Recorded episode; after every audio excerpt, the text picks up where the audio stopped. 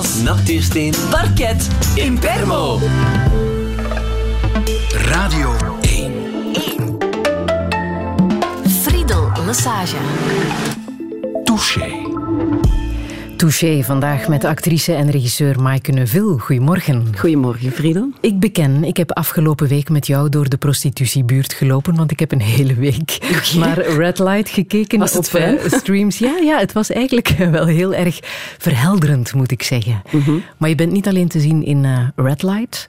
Eh, overal is Maaike Neuville nu te zien. Op één ben je te zien, VRT Nu, met eh, de twaalf, voor mensen die dat nog niet zouden hebben gezien. Veel films waarin je zit eh, zijn te zien op streams, onder andere All of Us, maar ook Yummy, een komische horrorfilm.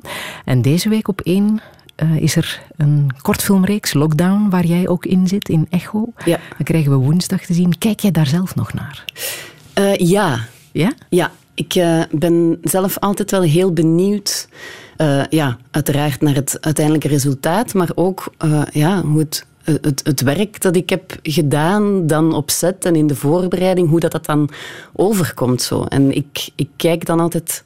ehm, ja, ik, ik zie dan nooit echt mezelf of zo. Ik zie dan, ah ja, ah, oh, dit is het personage geworden, dus oké. ja. Of ze hebben die scène eh, gebruikt? Ja, daar denk ik dan niet. Op, op de set wel. Op de set denk ik van, hmm, gaan ze dit wel doen? Of, of ja, dit gaan ze waarschijnlijk schrappen. Maar als ik dan het uiteindelijke ge- geheel zie, dan denk ik niet meer aan, oh, dat zit er niet in. Of nee, dat is dan weg. Dan kan ik wel het verhaal... eh, Ja. ja, ga ik wel mee met de keuzes van, Ja. van de De regisseur. meeste dingen waren natuurlijk al voor corona opgenomen. Heeft corona je nog een beetje aan het werk gehouden?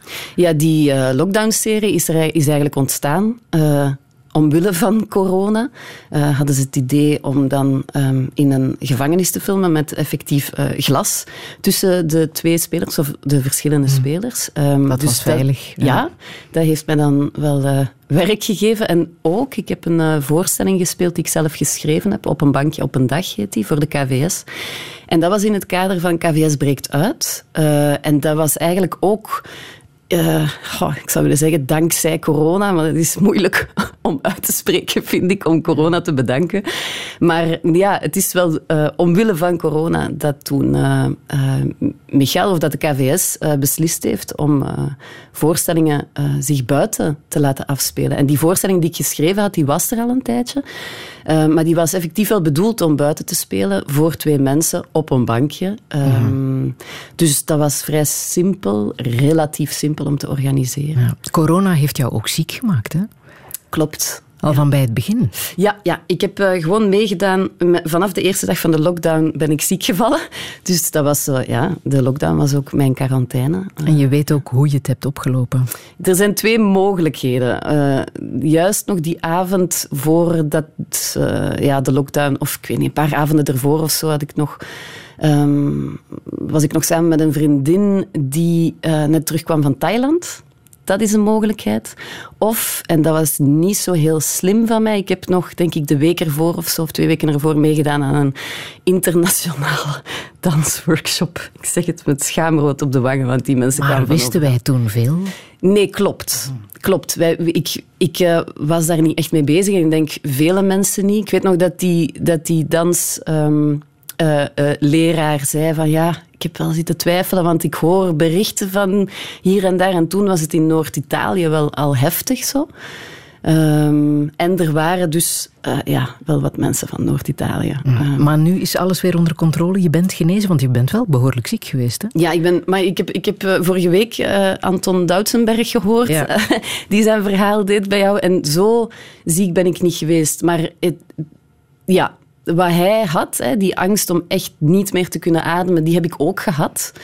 Eh, maar die heeft zich beperkt op één, eh, in één ja, verschrikkelijke nacht. Ik zal het zo Ja. zeggen. Ja, echt met heel veel angst. En, eh, maar Maar nu een- zit je hier blakend van eh, gezondheid. Hoe zou jij jezelf omschrijven? dat vind ik zo'n moeilijke vraag. Daarom stel ik ze. Ehm, ja, ik zou eigenlijk direct willen vragen, hoe zou jij mij, mij omschrijven? Maar bon, ik zal eerst, ik zal eerst zelf beginnen. Ik, ehm, ik zal eerst beginnen met te zeggen dat ik dat moeilijk vind. Ehm, maar als ik het dan toch zou moeten proberen, zou ik zeggen dat ik veel ben. In de zin uh, dat ik mezelf soms niet altijd kan bijhouden. Ik kan, ik kan soms uh, mij heel verlegen voelen of zo. En aan de andere kant heb ik heel veel zin om naar buiten te treden. En, en, en om, om uh, ja, ben ik, zit er ook iets heel extravert in mij. Um, ik heb enorm veel ambities en tegelijkertijd heb ik dan de, die ene ambitie om niet te veel meer te willen. Um, dus laat ons zeggen, hoe ik op dit moment naar mezelf kijk, is als naar een vat vol uh, uh, extreme en te tegengestelde. Ja. Vluchtige mouflon, jij ook. Ja, ja, ja, ja, klopt. Dat is mijn scoutstoten waar ik echt jaren um, voor nodig heb gehad om, om daarmee in het reinen te komen. Want, is waar? Ja, als je dat hoort, vluchtige mouflon. Wat is een mouflon? Een, ja, een mouflon klinkt lomper dan het is. Want een mouflon is, um, is een berggeit. Ja. ja. Um, en ja, ik weet niet precies waarom. Ik denk, zo'n zo'n dier uh, krijgt je uh, omwille van je uiterlijke kwaliteiten. En een mouflon heeft echt zo van die grote, um, mm -hmm. uh, ja, ronde hoorns. Zo. En ik had toen nog heel lang blond haar, dat nu um, eraf is. dus voilà, ik denk vandaar de mouflon. En ik ben ook heel graag in de berg. Dus bon, daar was ik dan uiteindelijk wel blij mee toen ze mij uitlegden welk dier het was. Ja, en dan vluchtig ik denk dat ze helemaal gelijk hebben eigenlijk. Maar dat klinkt gewoon een beetje pejoratief of zo. Vluchtig ja. klinkt als iemand die zo, ja, goh, doet, doet, doet er niet toe of zo. Iemand zegt iets, en, maar ze kan ook het omgekeerde menen of zo. Um, of iemand die graag wegloopt als er zich problemen aandienen. Ja, of misschien gewoon iemand die... Um, misschien niet wegloopt van problemen, maar gewoon soms eens wegloopt. niet dat per se. Herken je ja, ja, daarin? Ja, ja, dat herken ja? ik heel hard. Ja. Dat heb ik ook nodig uh, soms om te herbronnen, om, uh, om uh, stilte op te zoeken. Mm -hmm. Waar vlucht jij dan naartoe? liefst de natuur in. Mm -hmm. Ja. Um, ergens waar water is. Als ik het water hoor, dan ben ik blij. En waar bossen zijn. Mm -hmm. Ja. Ja, dat heb ik echt wel zo minstens één keer per jaar uh, heb ik zo'n week, uh, een, een, vluchtweek nodig. Een ja. quarantaineweek. Ja, klopt. Ja. Nog maar eentje. Je bent ook iemand met heel veel levensmotto's en ik denk dat die de komende twee uur aan bod zullen komen. Maaike Neuville, welkom in Touché. Dank u. Radio 1. 1. Friedel Lassage. Touché. She's not a girl who misses much. Oh, yeah. She's well acquainted with the touch of the velvet hand, like a lizard on a window pane. The man in the crowd with the multicolored mirrors on his hobnail boots lying with his eyes while his hands are busy working overtime. A soap impression of his wife, which he ate and donated to the National Trust.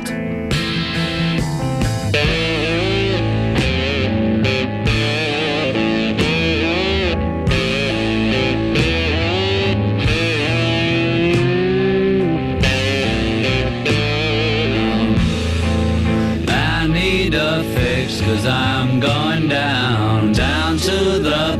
that I left uptown. I need a fix cause I'm going down. Mother Superior jumped the gun. Mother Superior jumped the gun. Mother Superior jumped the gun. Mother Superior jumped the gun.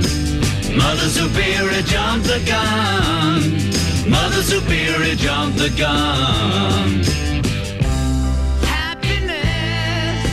A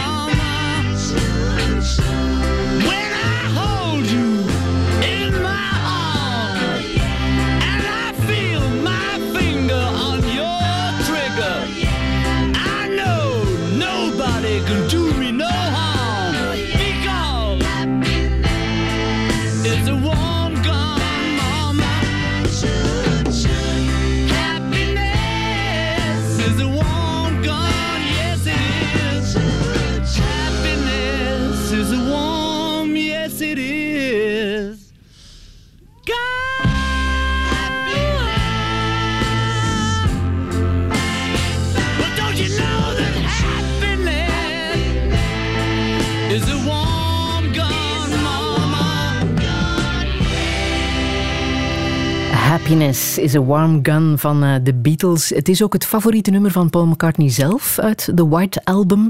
Hoe zit het bij jou, Mike Neville? Uh, ja, dat deel ik dan uh, met Paul McCartney. Ja? Ik, ja, Blackbird staat samen met dit op de eerste plaats. Mm.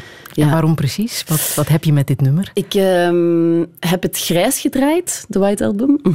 um, toen ik, ik had ja, wanneer? Ik denk in 2012 zoiets heb ik een uh, Volkswagen busje gekocht. En uh, ja, ik moest weer even vluchten, denk ik. En dan ben ik uh, ja, door Frankrijk gereden, een beetje naar Spanje gegaan. En die cd, want dat was toen nog met cd's, denk ik, in dat busje. Dat weet ik eigenlijk. Jawel, jawel. ja, die heeft mij um, begeleid op de wegen waar ik ah. heel erg traag overreed. Want ik had een beetje een miskoop gedaan.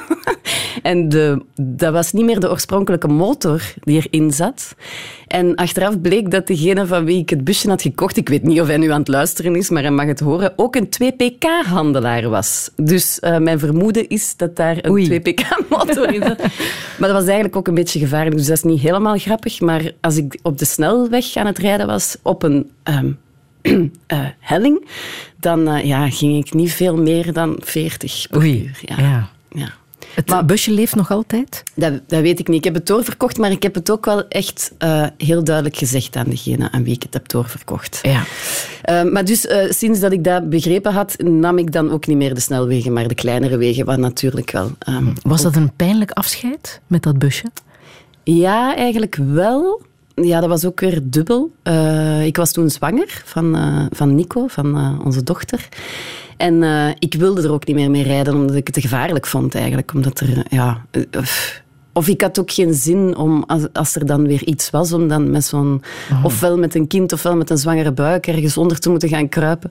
Um, en dan heb ik het wel met spijt in het hart verkocht. En hoe doe je dat nu als je wil vluchten? Ik heb een nieuw busje gekocht. ah. Ja, ja, ja. een beter busje? Ja, een beter busje. Ja, ik heb het zelfs laten...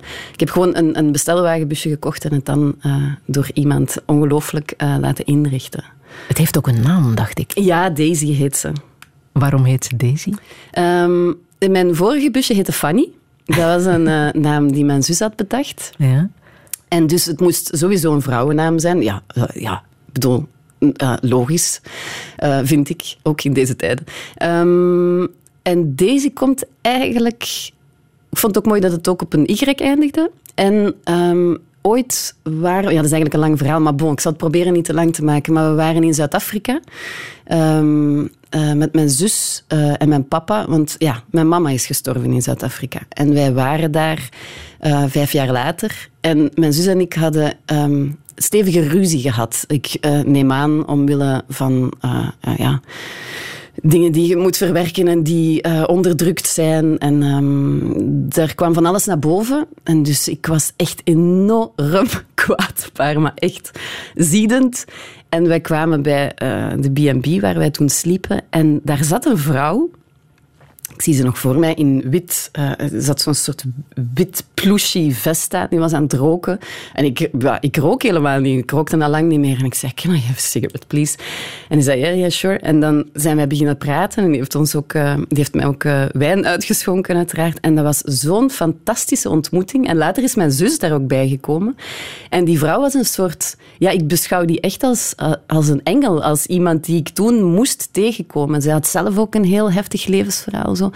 En dat was zo... Die, die, die maakten het goed. En um, ja, ik zag dat busje en dat was zo... Ja, ja een wit...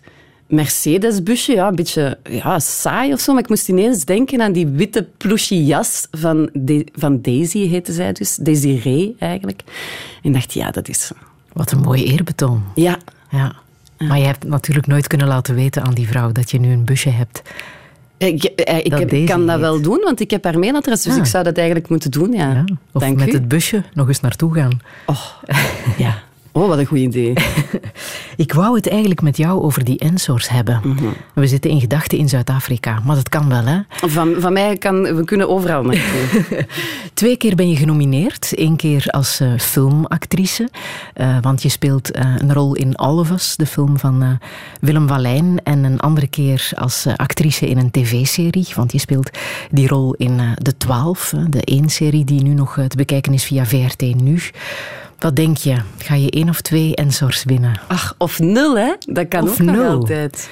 Ehm, ik weet het niet. Ik weet het echt niet. Ik, ik was eigenlijk heel ehm, trots om genomineerd te worden. Ik, ik ben daar, ja, ik denk tot nu eigenlijk niet zoveel mee bezig geweest. Eh, want de Ensors bestaan al langer, hè. En dat ging zo'n beetje naar mij voorbij. En ik merk dat ik het dit jaar, dat het anders is. Dat ik toch ja, blij ben ehm, dat, dat eh, ja, het, het werk dat ik doe, dat dat, dat dat gezien wordt en dus blijkbaar ook geapprecieerd wordt. Ik begin dat precies... Door mensen uit de sector ook, hè? Door mensen uit de sector, inderdaad. Ja. Ik begin dat precies dan toch eh, ehm, ja, belangrijker te vinden of zo. En als jij niks wint, dan is er nog iemand thuis die er ook twee kan winnen, hè?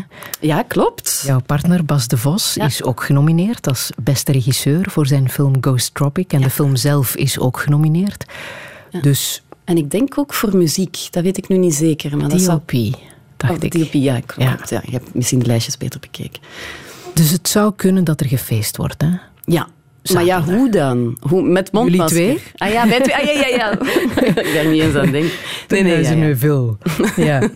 Er is ook die eh, dagelijkse talkshow Cinema Canvas. Ik weet niet of je daar ook eh, in te zien zal zijn, maar in elk geval elke eh, avond vanaf vijf uur te bekijken. Op een andere manier kunnen we nu eens horen en zien hoe al die filmmakers bezig zijn met hun eh, projecten. Hè. Maar hoe zit het bij jou? Eh, welke voorwaarden moeten een rol hebben voor jij ja zegt? Ehm, goeie vraag. Dat kunnen verschillende dingen zijn. Ehm, ik, ja, het is misschien heel eh, algemeen of zo, maar ik moet er op een of andere manier iets mee hebben. In de zin dat als het personage iets beleeft waarvan ik denk, ja, dat ken ik. En dan wil ik heel graag eh, dat mensen dat, die, ehm, eh, die angst of die, of, of die verlangens dat dat personage heeft, wil ik heel graag dat mensen dat ook leren kennen. Dat is één ding.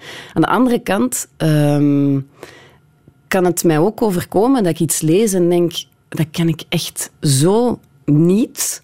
Ehm, daar heb ik niks mee. En dan ben ik benieuwd, want dat, dat aangaan, zo'n zo'n rol dan beginnen voorbereiden, ehm, ja, leert u ook, eh, ja, geeft u ook inzichten in, in eh, ja, bepaalde karaktertrekken of zo, waar, waar dat je helemaal zelf eh, ehm, tot op dat moment niet mee bezig bent geweest. Laat mij raden, jouw rol in Yummy, die komische horrorfilm, waar je misschien jezelf helemaal niet in herkende? Nee, nee, absoluut niet. En dat kwam ook voort ehm, uit een verlangen, eh, want dat is ook een van de redenen waarom ik eh, ja of nee kan zeggen op iets, of ja kan zeggen op iets, uit een verlangen om even los te laten. Want ik had toen net ehm All of Us gedraaid, wat een hele heftige rol was. Een, een, een, vrouw die sterft en, en eh, ja, aan, aan, aan kanker en die haar kinderen achterlaat. Ehm, en daarvoor was het eh, Delphine in de Twaalf, wat ook niet min was. ehm, emotioneel en wat, wat redelijk diep ging. Ehm, en dus had ik even in het uni- universum gegooid van oh, kwam er maar iets op, mij af waar ik in, waarin ik gewoon, ehm, ik weet niet, iets... eh, energiek, dynamisch, eh, zonder al te veel bij te moeten nadenken. En plots kreeg ik telefoon eh, of ik in een zombiefilm wilde meespelen. Dus ik dacht, ja, dat is, dat is goed geluisterd, universum, dacht ik. Wat was daar het leukste aan? Ehm, het gillen en het rennen. En, ehm, maar dat was wel super zwaar, moet ik zeggen. Want dat waren lange dagen. En het ketchupbloed? ja, met enorm veel bloed. Maar om zo eens even gewoon alles te mogen... Ja, ook misschien groot te zijn. Misschien is, was het dat ook wel. Want ik, ik zoek, denk ik, als ik speel, altijd wel eh, de nuance op en probeer niet te veel eh, te tonen. Want ik kan daar zelf niet zo goed tegen als ik iemand... ehm, als ik een speler eh, op tv of in een film zie tonen wat ik moet voelen. Dat, ja, dat ik, mijn haren gaan daar een beetje recht van staan. Ehm, maar bon, in zo'n, in zo'n zombiefilm film zijn de codes helemaal anders. En daar kon dat dan wel. Dus dat, dat was wel ook eens een verademing.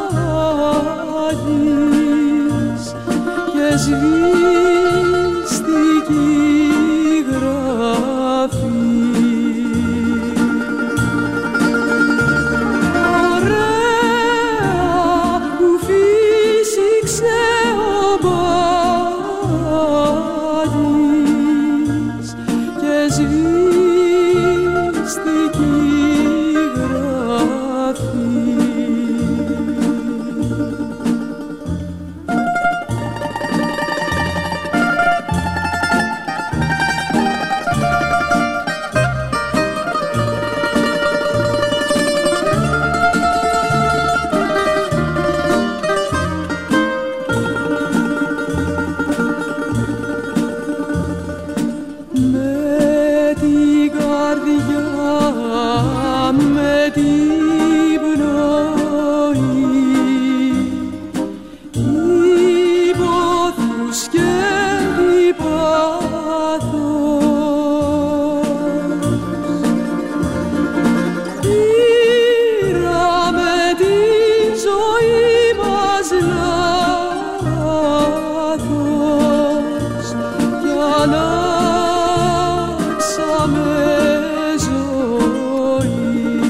is een gedicht van Nobelprijswinnaar Georgios Seferis en op muziek gezet door Mikis Theodorakis en hier gezongen door Maria Farantouri. Waaraan denk jij, Maaike Neuville, als je dit hoort? Het is een eh, onversneden ode aan mijn moeder, dit, eh, dit lied. Ja. Ja, Had zij daar iets mee met dit lied? Ja, zij had vooral iets met Griekenland. Ehm, zij gingen daar heel vaak, mijn, mijn, mijn papa en, en eh, zij gingen daar heel vaak naartoe op vakantie. Ehm, en zij wilde daar eigenlijk eindigen, denk ik. Zij wilde daar eh, een, een, een huisje. En zij, wilde, ik, zij zei ook echt vaak van, ja, ik zie mij ook al rondlopen in zo'n zwart gewaad, hè, zoals die oude vrouwtjes daar. Zo. Dat, is echt, eh, waar, daar waren ook de plekken waar zij echt heel vrij en ontspannen was. Ja, maar het is even anders gelopen. Klopt, ja. Ja, in Zuid-Afrika. In het leven, ja, die je niet kunt voorzien. Zij is eh, ja, heel plots eh, gestorven. Een, een, eh, in de volksmond heet het een, een hartaderbreuk. En dus echt ja, van de ene op de andere dag. Ja. ja. Terwijl jullie samen op vakantie waren. Nee, zij was met mijn papa daar in Zuid-Afrika. Mijn papa was daar voor zijn werk en uiteindelijk... Allee, ze gingen daar ook een vakantie aan koppelen, maar dat is er nooit van gekomen. Want ja, dan eh, ja, is zij... eh, En hoe was dat voor jou om op die manier je moeder te verliezen? Ehm, ja, hoe is dat? Dat is, dat is, eh, dat is kut. dat is gewoon, maar sowieso, iemand verliezen is, ja, dat is niets anders dan dat. Het is, dat is alleen maar verschrikkelijk. Ehm, maar wij zijn, er wel nog, wij zijn wel nog afscheid kunnen gaan nemen. Dus het is van, van het ene moment op het andere gebeurd. Eh, maar zij, Ehm, ik weet niet hoe dat ze het heeft eh, klaargespeeld, maar zij heeft nog, eh, ja, ik weet het niet meer precies, maar een aantal dagen of een week ehm, is zij nog, wa- was zij er nog, was zij nog niet, ehm, ja, lag zij in bed zonder dat ze iets kon doen of zo, maar... Ehm, en dus wij zijn dan uiteindelijk, eh, mijn zus en ik en mijn lief, eh, naar eh, Zuid-Afrika gegaan en hebben nog afscheid kunnen nemen van haar. En ze heeft het nog geweten, dus ze heeft niks meer kunnen zeggen. Maar ze heeft, ik ben zeker, ze heeft onze stemmen nog gehoord en ze heeft nog in mijn hand geknepen. Ja, Je hebt een rouwdagboek gemaakt, hè? een filmpje. ja. Ehm, hielp dat om afscheid te nemen? Ehm, ik weet niet ehm, of dat hielp. Het was vooral iets dat ik moest doen. Ehm, ik ben eigenlijk meteen, ik denk de dag nadat zij gestorven is, ben ik beginnen filmen. Ik had zo'n klein, onnozel eh, fotocameraatje waar dat je ook filmpjes mee kon maken. En ik ben gewoon...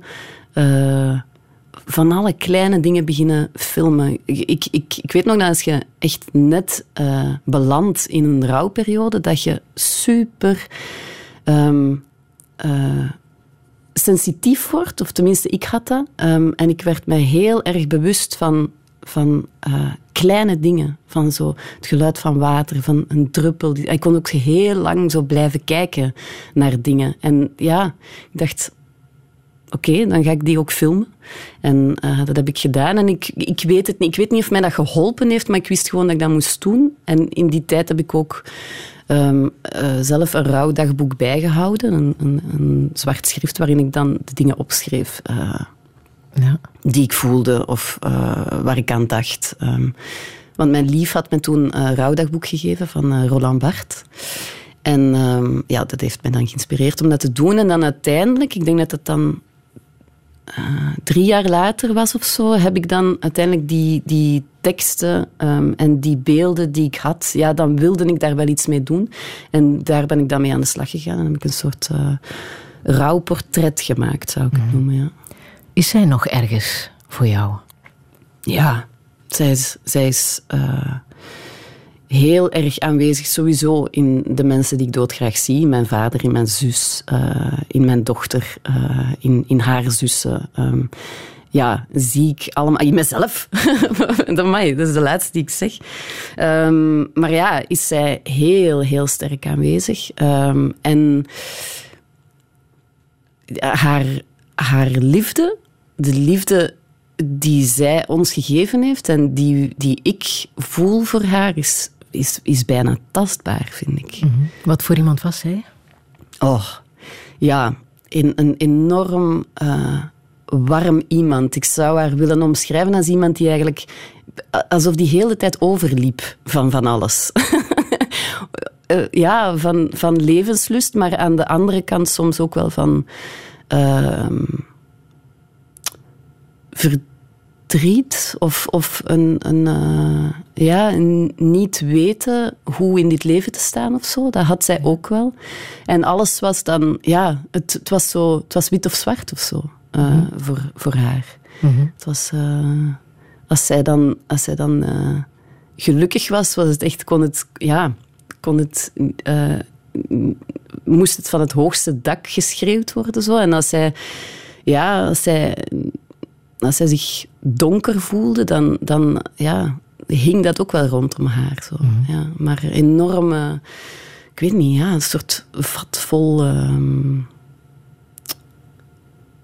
emotie. En, en ja, Ze heeft denk ik niet meer meegemaakt dat jij ook moeder bent geworden ondertussen. Hè? nee, Ja. Klopt, ja. Ja. Lastig voor jou? Ja, ik, ik, ik wou zeggen lastig voor haar, maar dat is natuurlijk niet waar, want zij weet dat niet meer. Maar eh, zij wou zo graag kleinkinderen. Ja, ja. En zij, ja, zij ehm, nam wel elk moment te baat om, om, daar, eh, om het daar met ons eens over te hebben, met mij en mijn zus.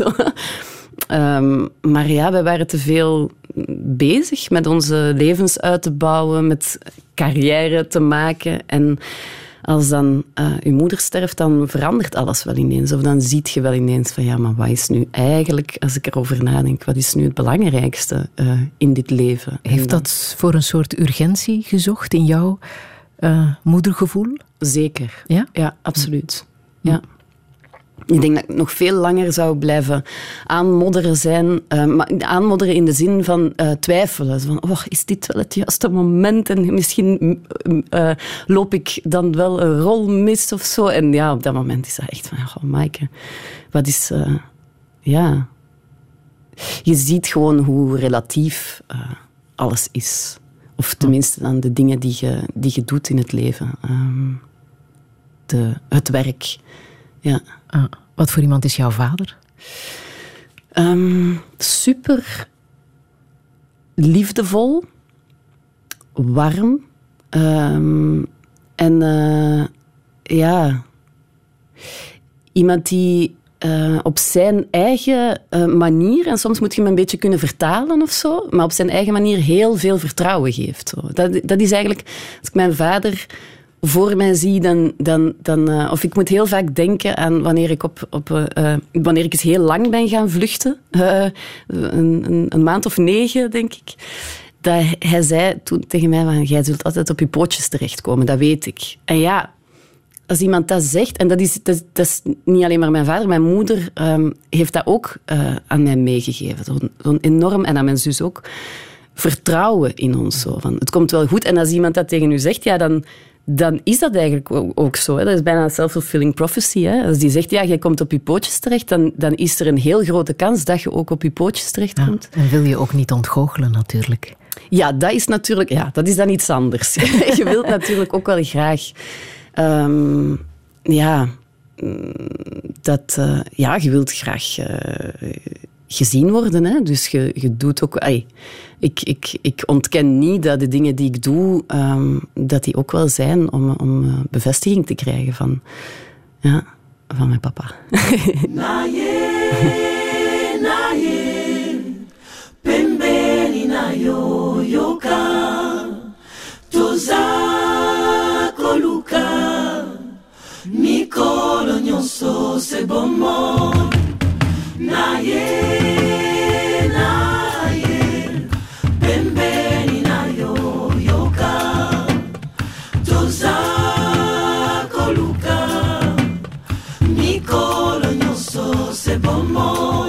kolo yoka milulu na ngai jodia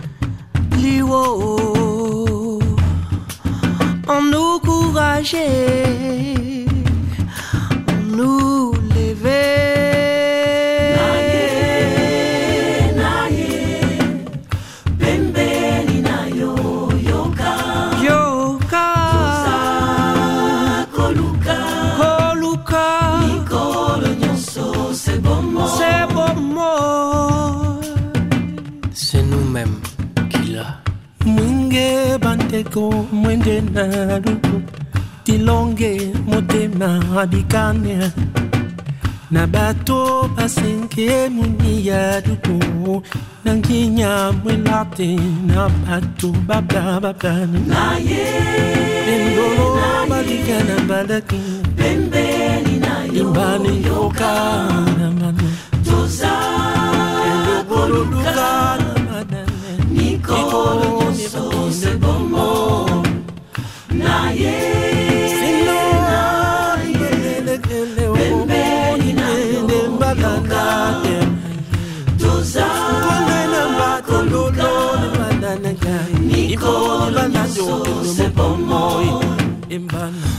Naye pembeni nayo yonde mokonzi ya bakonzi soki otiki nga na kokweya bomengwa mokili ezali pamba kolo na ye na ye naye pembeni nayo yoka yokanga toza koluka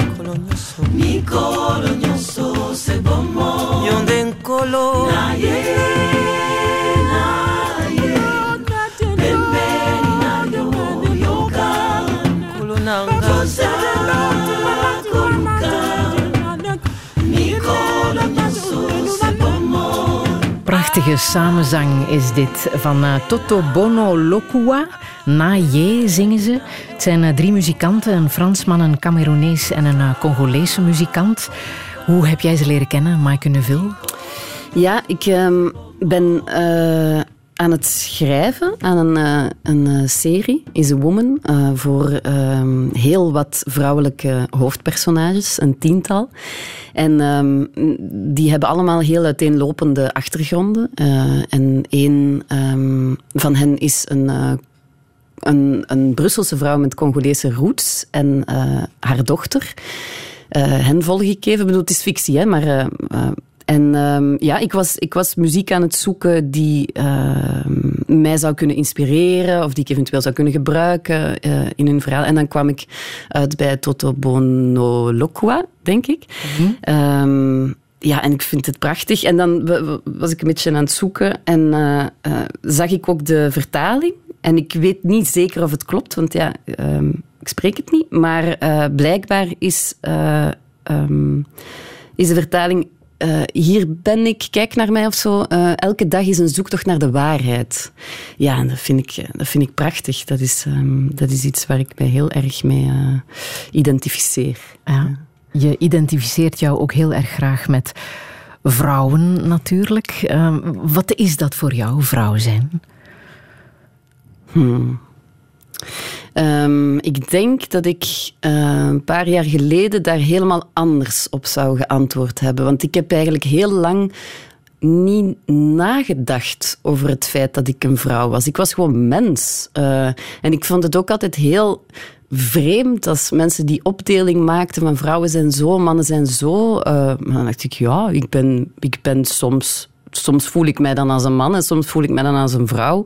Eh, wat maakt het uit of zo? Totdat dan eh, de MeToo-beweging kwam en er eigenlijk een veel groter ehm, bewustzijn kwam rond ja, alles wat vrouw zijn is. Ehm, en dan ben ik wel beginnen nadenken van ja, wat, wat, ehm, ja, wat is dat dan voor mij of zo?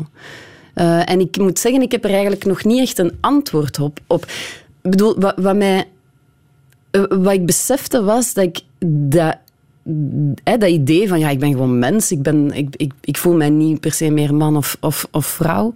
Ehm, maar ik kon dat wel denken, maar de, ik, ik sta in een wereld die blijkbaar zo niet denkt. Dus ja, dan moet ik mij toch op een of andere manier ehm, positioneren. En eigenlijk is denk ik het eerlijkste antwoord op dit moment, ik ben daar nog niet uit. Ik weet dat niet wat vrouw zijn is. En ik denk dat dat daarom ook is dat ik die serie maak. Ik maak die serie niet met een antwoord.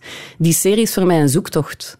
Ehm, en ik, ik hoop dat ehm, het eh, antwoord ergens zal liggen in een vrouw is zo uiteenlopend dat ze niet te definiëren valt. Ik denk als, we dat, als, we, als ik daar raak, oh, ik zou, ik zou echt ehm, heel erg blij zijn. Maar, Maar dat ja. klopt natuurlijk. Maar het gekke is wel dat de perceptie over hoe we vrouwen al die tijd hebben eh, getoond in films, in theaterstukken, in boeken, eh, heel erg eenzijdig blijkt te zijn. Hè? Ja. Red Light, de serie waar jij nu in speelt en waar drie vrouwen de hoofdrol spelen, daarin zie je ook eh, vrouwen die eigenschappen hebben die ehm, tot nog toe vooral bij mannen te detecteren waren als het ging over film en, en theater. Ja. Jouw rol bijvoorbeeld, jij speelt daar eh Evie, een politieinspecteur, die moeite heeft met het gezinsleven, die een drankprobleem heeft. Dat zijn dingen die we normaal vinden in een mannenrol, maar nooit zien in een vrouwenrol. Hè? Klopt, ja. En- Moet daar nog hard gewerkt worden ja, ja aan het absoluut. beeld dat, Ehm, dat en we daar, krijgen van vrouwen? Klopt, en daar zijn we ook heel hard eh, aan, aan het werken. Ehm, eh, getuigen inderdaad eh, de serie Red Light, waar, waar Anke eh, Blondé, hè, die het samen geregisseerd heeft met Wouter Bouvijn, die trouwens een ongelooflijke job hebben gedaan. Maar zij zei ook altijd, als we het personage aan het ontwikkelen waren en in het, in, in het eh, filmen, zij zei ook altijd, je moet gewoon denken als een man. dus om, om, wat, wat zou een man nu doen? Zo. Dus een beetje de omgekeerde ehm, eh, eh, manier. Ehm, nee, voor mij was bijvoorbeeld ook het personage dat ik speelde in de 12, Delphine, was voor mij ook een beetje. Toen.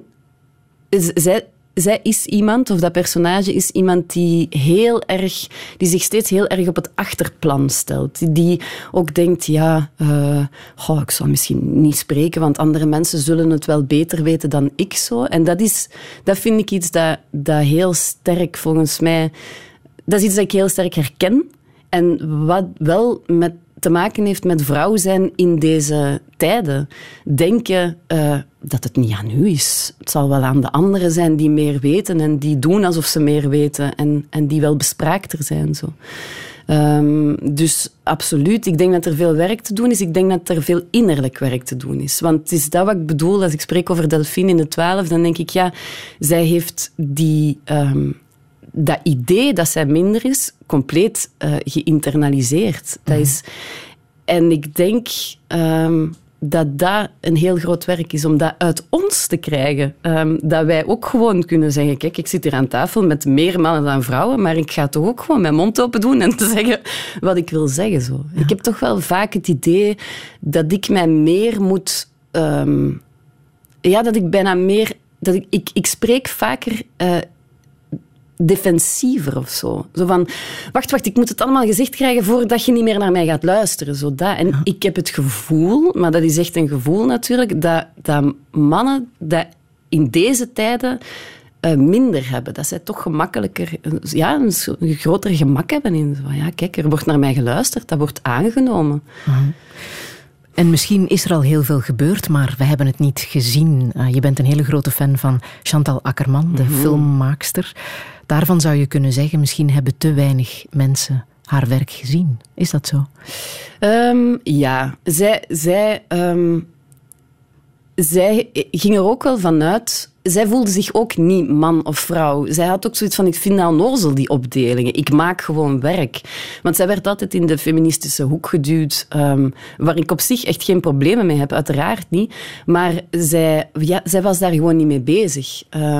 dat, ja, dat was, ja, zij, zij stelde zich daar denk ik niet, niet, geen vragen bij. Zij, ja, zij maakte gewoon de dingen die zij wilde maken. Zo. Um, maar als het gaat over uh, um, haar werk dat gezien moet worden, absoluut. Ja, uh, ik vind dat.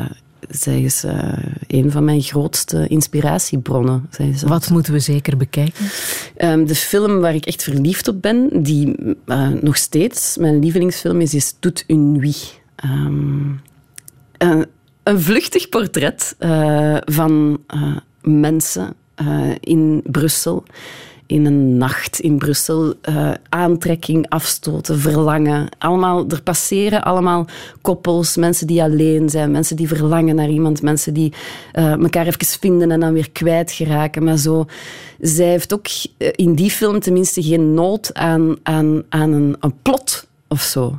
Het, en de fysicaliteit gewoon van die mensen en, en het, het daar zijn met elkaar is genoeg om naar te kijken en, en om uh, te mogen volgen. En ja, dat vind ik, uh, dat vind ik heel erg inspirerend. Ja, je woont zelf in Brussel. Stel nu dat je haar nog had kunnen spreken, Chantal Akkerman. Mm -hmm.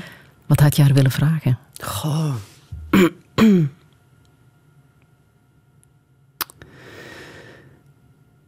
um... Dat weet ik niet. Ik denk dat ik in de eerste plaats had willen luisteren naar haar. Maar ja, dan moet je wel beginnen met een eerste vraag. Misschien zou ik vragen, vertel eens, wie, wie ben je, Chantal Akkerman? Mm -hmm. um, nee, ja, ik denk dat ik graag... Misschien zou ik het allerliefste met haar hebben meegelopen. Um, en gewoon eens uh, ja, zien hoe zij, um, hoe zij de dingen aanpakt. Want ik, ik heb ook veel over haar gelezen, ik heb veel dingen van haar gezien en het is heel duidelijk dat zij echt niet altijd wist wat zij aan het doen was. Dus ik, ik denk niet dat ik van haar zou leren in de zin dat zij me dan alles, al haar kennissen aan mij zou overbrengen, maar eerder gewoon de manier waarop zij in het leven stond um, en in uh, het werk dat zij maakte. Um, dat is heel... Um, intuïtief en zij deed altijd, denk ik, is mijn, is mijn interpretatie, altijd wat zij op dat moment wilde doen, zonder compromis.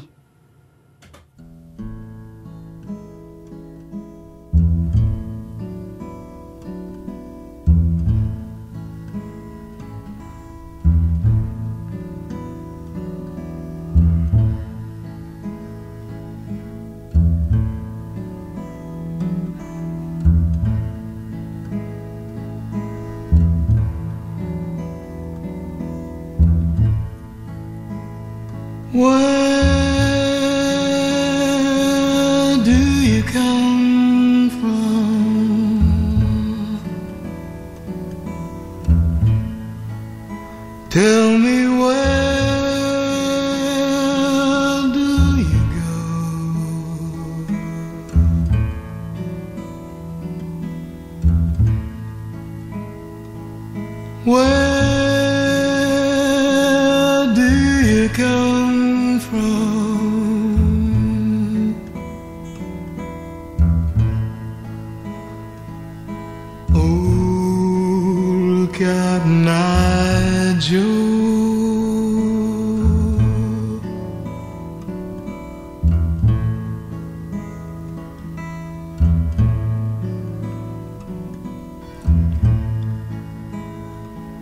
Well, I come for to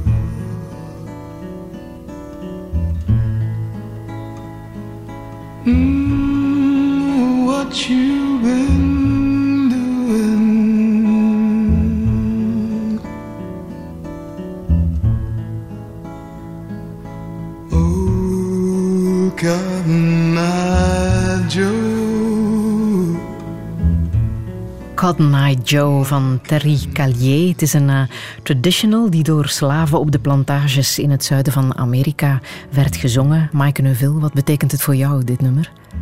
Ik hoorde het, ehm, ik denk een, twee jaar geleden of zo op de radio. En ehm, ja, ik was, ik was compleet um, bouleversé eh, door die stem en die rust. ehm, En die stilte die ook doorheen het lied ehm, ehm, meandert. Zo.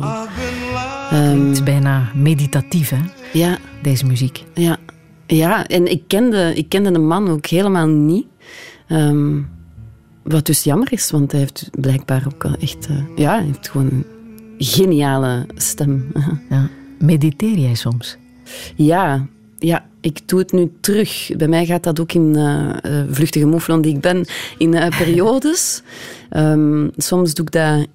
of ik heb het jaren heel erg eh, intensief gedaan. Allee, in... eh, wat wil zeggen, zo wat elke dag. Ehm, dan is het lang verwaterd.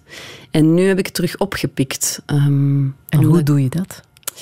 zitten en ademen en eh, die ademhaling volgen. En ondertussen zijn er ja, per seconde wel eh, een tiental gedachten die eh, voorbij eh, glijden. En dan is het zaak om die gedachten te laten zijn en telkens weer uw aandacht terug te brengen naar die ademhaling. Ehm, en goh, ja, ik, ik wou nu zeggen, soms lukt het, soms niet, maar eigenlijk gaat het niet per se over lukken. Het is daarom dat ik ermee gestopt ben met, met mediteren. Want ik dacht, ja, pff, het is zo frustrerend, ik kan het toch niet. Want die gedachten blijven maar komen. Tot ik besefte van, ah ja, maar dat is niet erg. Het gaat er alleen maar over eh, over het observeren en niet, ik moet ergens in een bepaalde staat geraken of zo. Dus ik denk dat ik zelf altijd heel erg ehm, het goed wil doen. Dus ik wou ook mediteren goed doen. Ik dacht, ja, ja als ik dat lang genoeg doe, dan, dan, zal, dan zal ik wel in die staat of whatever dan terechtkomen. Maar dat gebeurde maar niet, totdat ik dan dus nu, nu dat ik er terug mee begon, dacht, ja, maar dat is niet... ehm, dat is niet het doel, volgens mij. Het doel is meer om een soort afstand te creëren tussen ehm, u, uzelf en, en eh, uw observerende zelf en die gedachten die je dan hebt. Is dat ook de reden waarom je zoveel jaar geleden eh, naar Nepal bent getrokken, onder andere naar het uh, Kopan-klooster? Ja, um, dat was niet per se de reden. Nee, de reden was uh, heel erg, nee, niet banaal, maar ik bedoel, ik was toen aan het spreken met Michiel de Vlieger, met wie ik toen aan het werken was voor Van Vlees en Bloed. jongens, toch zo lang geleden. Um, en hij zei, ja, ik ben in Nepal gaan trekken, uh, de Annapurna um, Round uh, trek heette die. En hij vertelde mij over een gids en hij zei dat. En ik weet niet wat er gebeurde, maar ik, had, ik wist, ja, ik moet daar naartoe. Um, ja, en dan gebeurden er veel dingen in mijn leven. Er een relatie die, um, die uh, eindigde. En dan dacht ik, oké, nu is het moment. Maar toen dacht ik, ja, daar naartoe vliegen, die trek doen en terugkomen, dat is het ook niet, denk ik. En dan heb ik besloten om over land uh, daar naartoe te reizen en dus van de reis naartoe de reis te maken. Um, en op een bepaalde manier ging het dus wel uiteraard over uh, contempleren en mediteren. Want ja, een, een, reis over land maken gaat traag. Um, en in India uh, ben ik ook effectief gaan mediteren samen met Laura, de vriendin van mij waar, waar ik uh, toen mee um, op reis was. Um, en dan zijn we uiteindelijk ook in het Kopan-klooster terechtgekomen. En dat was, dat was, een, ja, dat was een onwaarschijnlijke ervaring om, om, ook omwille van die omgeving. Dus je keek over het muurtje van het Kopan-klooster en rondom u waren er alleen maar bergen. Um, en soms liep er eens een monnik voorbij in zo'n uh, oranje gewaad. En er was zo, alles was erop ingesteld om zo ja, traag te gaan en, en te ademen en, en rust te hebben. Zo, ja. Ben je anders teruggekeerd van die Goh. reis? Ik vind dat heel erg moeilijk om dat te zeggen.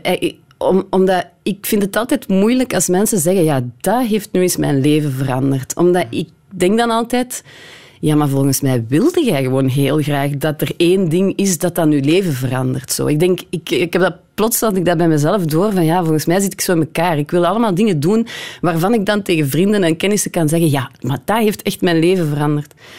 Um, dus ja en nee. Uiteraard heeft dat mijn leven veranderd in de zin dat mijn blik heel erg uh, is verruimd en dat ik een groot stuk van de wereld heb gezien op, op trage manier. En aan de andere kant ben ik thuisgekomen um, en wist ik van ja, maar volgens mij is nu het werk om die vrijheid hier te vinden. Hier, in deze stad, in dit, um, ja... hoe zeg je dat? Iets waar heel veel geluid is.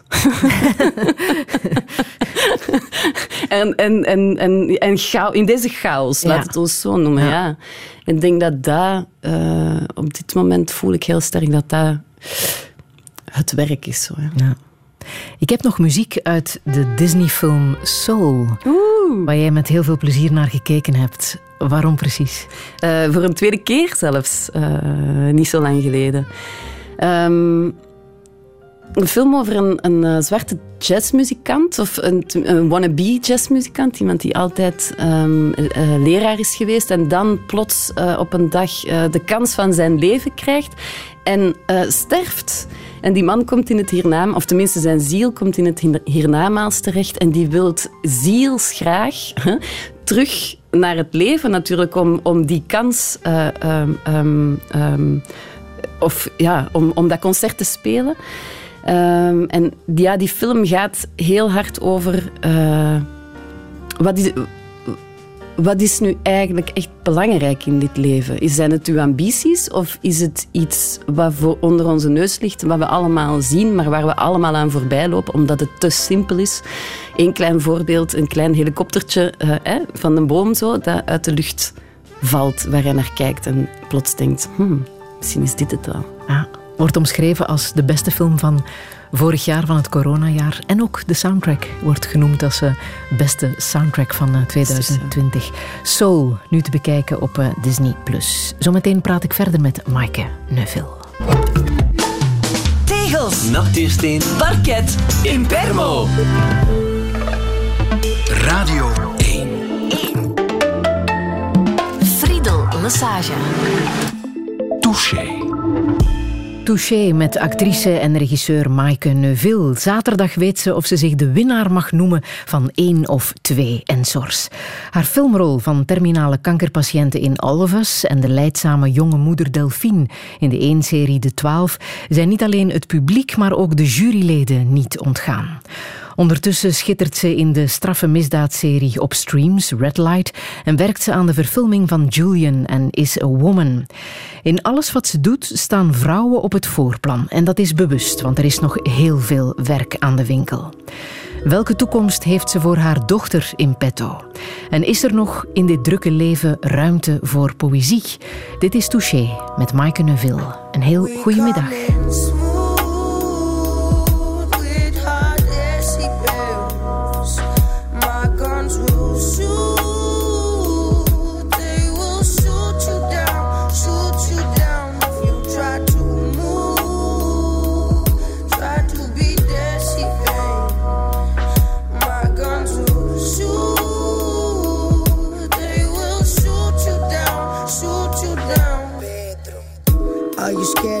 Or caminho contigo? No, you could stand on your own, mas és o meu amigo. That means I bleed when you do. I kill for my crew if they ever come knocking this blue some Hello, hello, how do you do?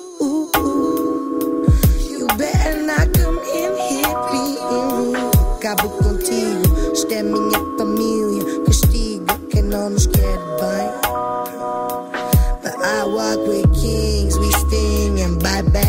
your ass car with disrespect, lay down, bitch. You made your bed high. E lembra-se todo da blue you said, said. Suerte, la suerte no existe. Cambiar mi vida para estar el jefe. Mi corazón está formando 7-7. Blue, Morgan, Ryan, fait les flancs, tu vas respecter. On veut tous la présidentielle. Je marche droit, je clean à part des pierres et quelques bédos. Mais plus je grandis, plus je pense à faire du sale pour faire plus de zéro. Je lâcherai pas l'affaire, je continuerai à chanter. Toutes les langues on pourra réunir sur papier. Je lâcherai pas l'affaire, je continuerai à chanter.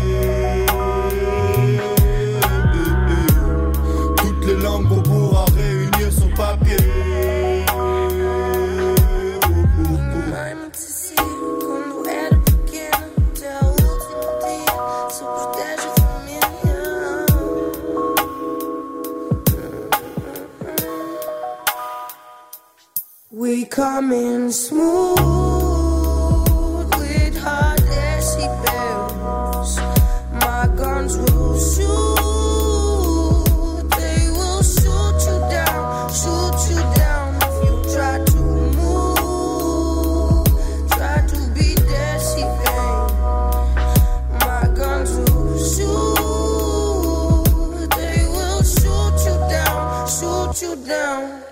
Blues Samu is dit. Een stem die we wat vaker mogen horen op de radio, hè? Uh, Maaike Neuville. Waarom wou je dit laten horen? Ehm, om deze stem wat vaker te laten horen op de radio. ja, ik Dat vind- was al duidelijk. Ja, ja, Ja. ik vind haar echt ongelooflijk. Ik vind dat hij een fantastische stem heeft en de muziek die zij maakt ook. eh, ja, ik, ehm, ik weet het niet, ik vind het soms zo raar. Ik, ik zou zeggen, oh, dit moet gewoon om de zoveel uur wel eens op de radio komen. Maar ja, bon, ik ben ook geen radiomaker of ik ben ook geen god of zo.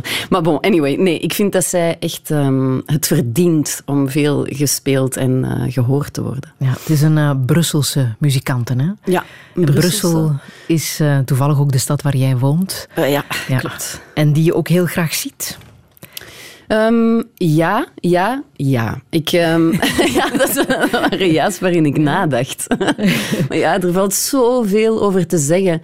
Ehm, maar ik ben hier in eerste instantie naartoe verhuisd omdat ik wil, mij wilde kunnen verliezen in een stad. En ik kon dat niet meer. Ik woonde daarvoor in Antwerpen en ik kon dat niet meer in Antwerpen. Ik kende daar te veel mensen eh, die ik nog altijd graag zie, eh, uiteraard. Maar de stad zelf ja, ik kon daar niet genoeg in vluchten dan, dus weer misschien.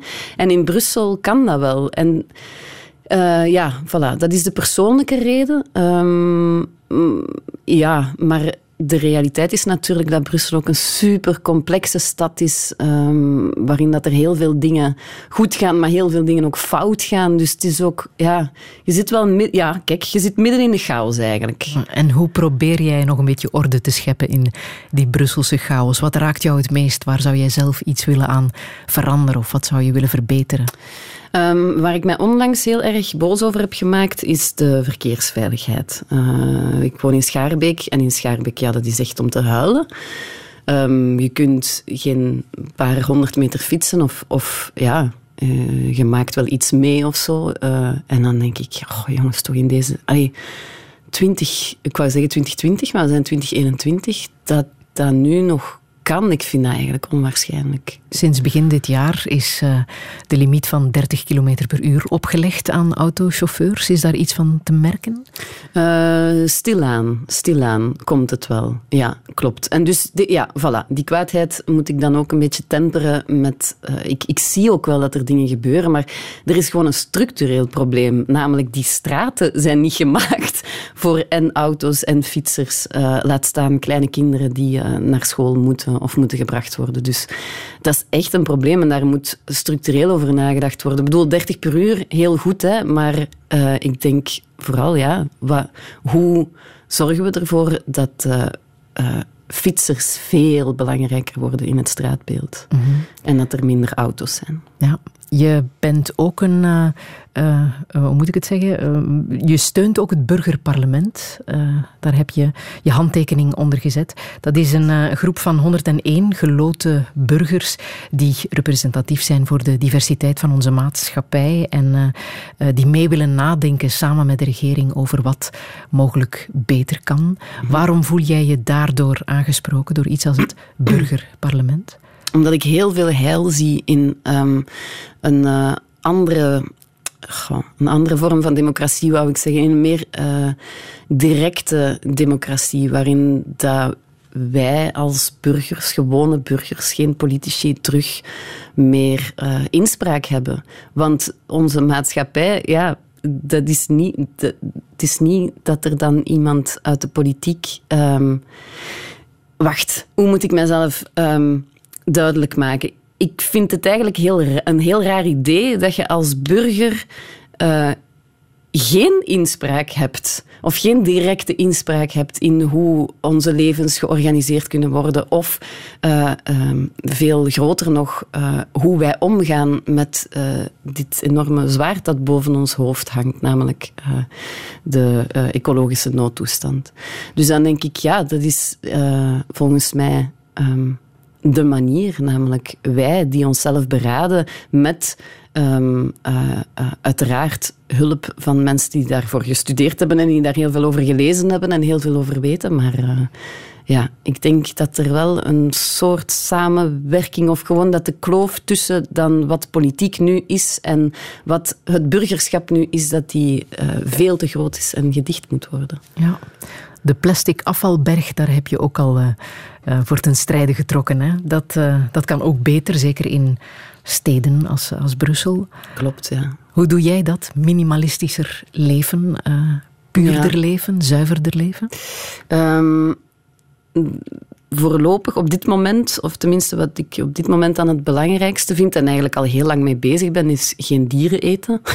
of geen dierlijke producten tot mij nemen. Ik denk dat ik daarmee al ehm, erg veel eh, ehm, uitstoot, afval eh, en ehm, eh, leed vermijd. Zo min mogelijk vliegen. Eh, ja, en zo bewust mogelijk kopen. Maar ik weet ook dat dat een privilege is. Ik weet ook, ja, ik, ik, ik verdien genoeg om dat te kunnen doen. Dus ik, ik, denk dat, eh, ja... Ik denk dat er vanuit de burgers uit heel veel gedaan kan worden. Maar dat kan alleen maar samengaan als eh, er een beleid is dat meegaat. En vandaar dat ik dus denk, ja, het beleid moet meer eh, van de burgers zijn.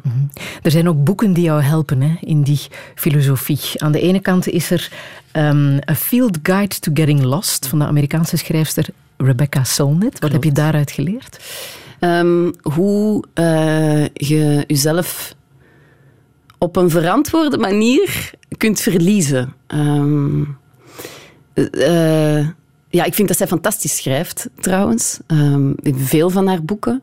Maar dit raakte mij zo... Zij schrijft altijd heel erg persoonlijk. Eh, zij is zelf ook iemand, denk ik, die heel erg op zoek is naar... naar ehm, soms eenzaamheid en zichzelf... ehm, opnieuw heruitvinden, denk ik. Ik denk dat ik dat daarin eh, daar een soort medestander in gevonden heb. Dat dat ook een poging is die ik heel vaak onderneem. Zo van de vraag stellen, wie ben ik nu? En door te spelen eigenlijk heel de tijd ehm, mij bewust te worden van al die andere mensen die ik ook nog eens ben.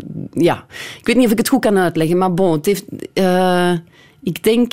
ehm, ik vind, het een heel, ik vind het heel belangrijk om mij om de zoveel tijd ergens in te kunnen verliezen en mijzelf helemaal opnieuw eh, terug uit te vinden. Een ander boek dat jou helpt om een beetje structuur in jouw leven te krijgen, is dat boek van Marie Kondo, hè, de Japanse opruimgoeroe. Dat heeft echt jouw leven veranderd. Ja, dat, dat dan weer wel. Ja, oké. dat, ja, dat is, Dat is waar. misschien het tegenovergestelde. Nee, nee. ehm, ja, klopt. Ehm, ik, eh, als ik dan iets doe, dan doe ik het wel... eh, dan doe ik het wel helemaal. Eh, dus ik heb dat boek dan gekocht en dan ehm, heb ik gezegd, oké, ik neem nu zes weken de tijd om mij fulltime eh, als een soort job eh, daarmee bezig te houden. Met mij, ik wou zeggen met, met te ontdoen van dingen, maar dat is het eigenlijk niet. Haar methode is opruimen, uiteraard, maar die dingen bijhouden die, die iets met u doen, die u raken. Ehm, en ik ben eh, wel een opruimer. Ik doe dat wel eh, geregeld. eh, mij ontdoen van dingen. Maar altijd was dat vanuit het idee, ja... ehm, goh, ik doe er al lang niks meer mee. Kom, weg. Zo dat. Een soort efficiëntie opruimen zo. Terwijl wat ik dan bij haar las, was eigenlijk het omgekeerde. Van misschien doe er al heel lang niks meer mee, maar misschien heeft het wel waarde voor u. Ehm, en dat heeft ervoor gezorgd dat ik, denk ik, echt, eerlijk, eh, ongeveer de helft van mijn spullen heb eh, van de hand gedaan. ja. En dat maakt dus inderdaad dat je veel bewuster ehm, met ehm, spullen omgaat. Als je dat doet, die Marie Kondo, je- dan ziet je pas hoeveel een mens heeft. Dat is onwaarschijnlijk. En dan denk je, ja, maar waarom? Waarom hebben wij dat allemaal? Heb je daar al met je dochter gesprekken over? Ja, want zij heeft, zij heeft eh, mee eh, Marie Kondo gedaan, dan voor haar spullen. Dus, we hebben, dus Marie Kondo-methode gaat erover dat je dan... Je begint bij je kleren bijvoorbeeld en dan haal je alle kleren die je hebt, je jassen, schoenen, alles uit de kasten en je legt die op één grote hoop. Dat is het begin. Want zo ziet je pas hoeveel dat je hebt. Ja. Dus dat is heel belangrijk. Ik heb dat dan bij mijn eigen dingen gedaan, maar we hebben dat ook bij Nico's spullen gedaan. Ja, en ik vond dat, dat is heerlijk, want eh, dan zei ik tegen haar, ja, kijk, dus we leggen alles op een hoop. En dan zei ik, ja, als het u iets doet, hè, als je het leuk vindt, dan hou je het bij.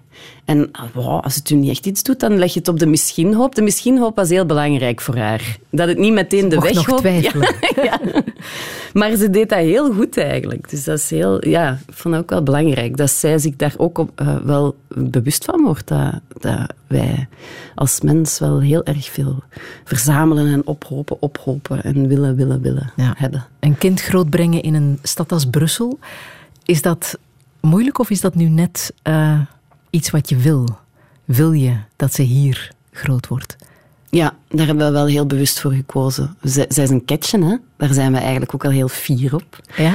Ehm, ja, ik, wij wilden wel heel graag dat zij ehm, in deze chaos die Brussel dan is, dat zij die leert kennen ja, en dat zij daarmee leert omgaan. Ik heb het, vanaf dat zij baby was, had ik het gevoel van, oh, zij is een heel gevoelig kind, zo heel ehm, ja, gevoelig voor geluiden, voor, voor alles wat er binnenkomt. Zo. Ik denk een heel emotioneel kind.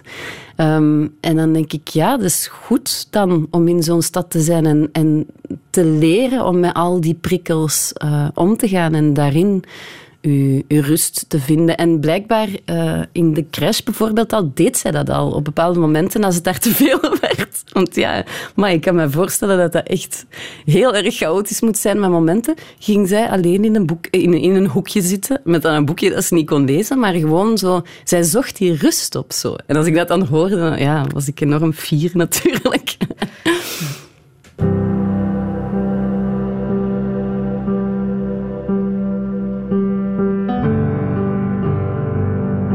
Coming to pass. My country's coming apart. The whole thing's becoming such a bumbling farce. Was that a pivotal historical moment we just went stumbling past? Well, here we are, dancing in the rumbling dark. So come a little closer. Give me something to grasp. Give me your beautiful, crumbling heart. Another disaster, catharsis, another half discarded mirage, another mask slips. I face off with the physical, my head's ringing from the love of the stars. There is too much pretense here, and too much depends on the fragile wages and extortionate rents here. We're working every dread day that is given us, feeling like the person people meet really isn't us, like we're gonna buckle underneath the trouble, like any minute now the struggle's gonna finish us. And then we smile at all our friends. It's hard. We got our heads down and our hackles up, our backs against the wall. I can feel you aching. None of this was written in stone. There is nothing we're forbidden to know, and I can feel things changing. Even when I'm weak and I'm breaking, I stand weeping at the train station, cause I can see your faces. There is so much peace to be found in people's faces.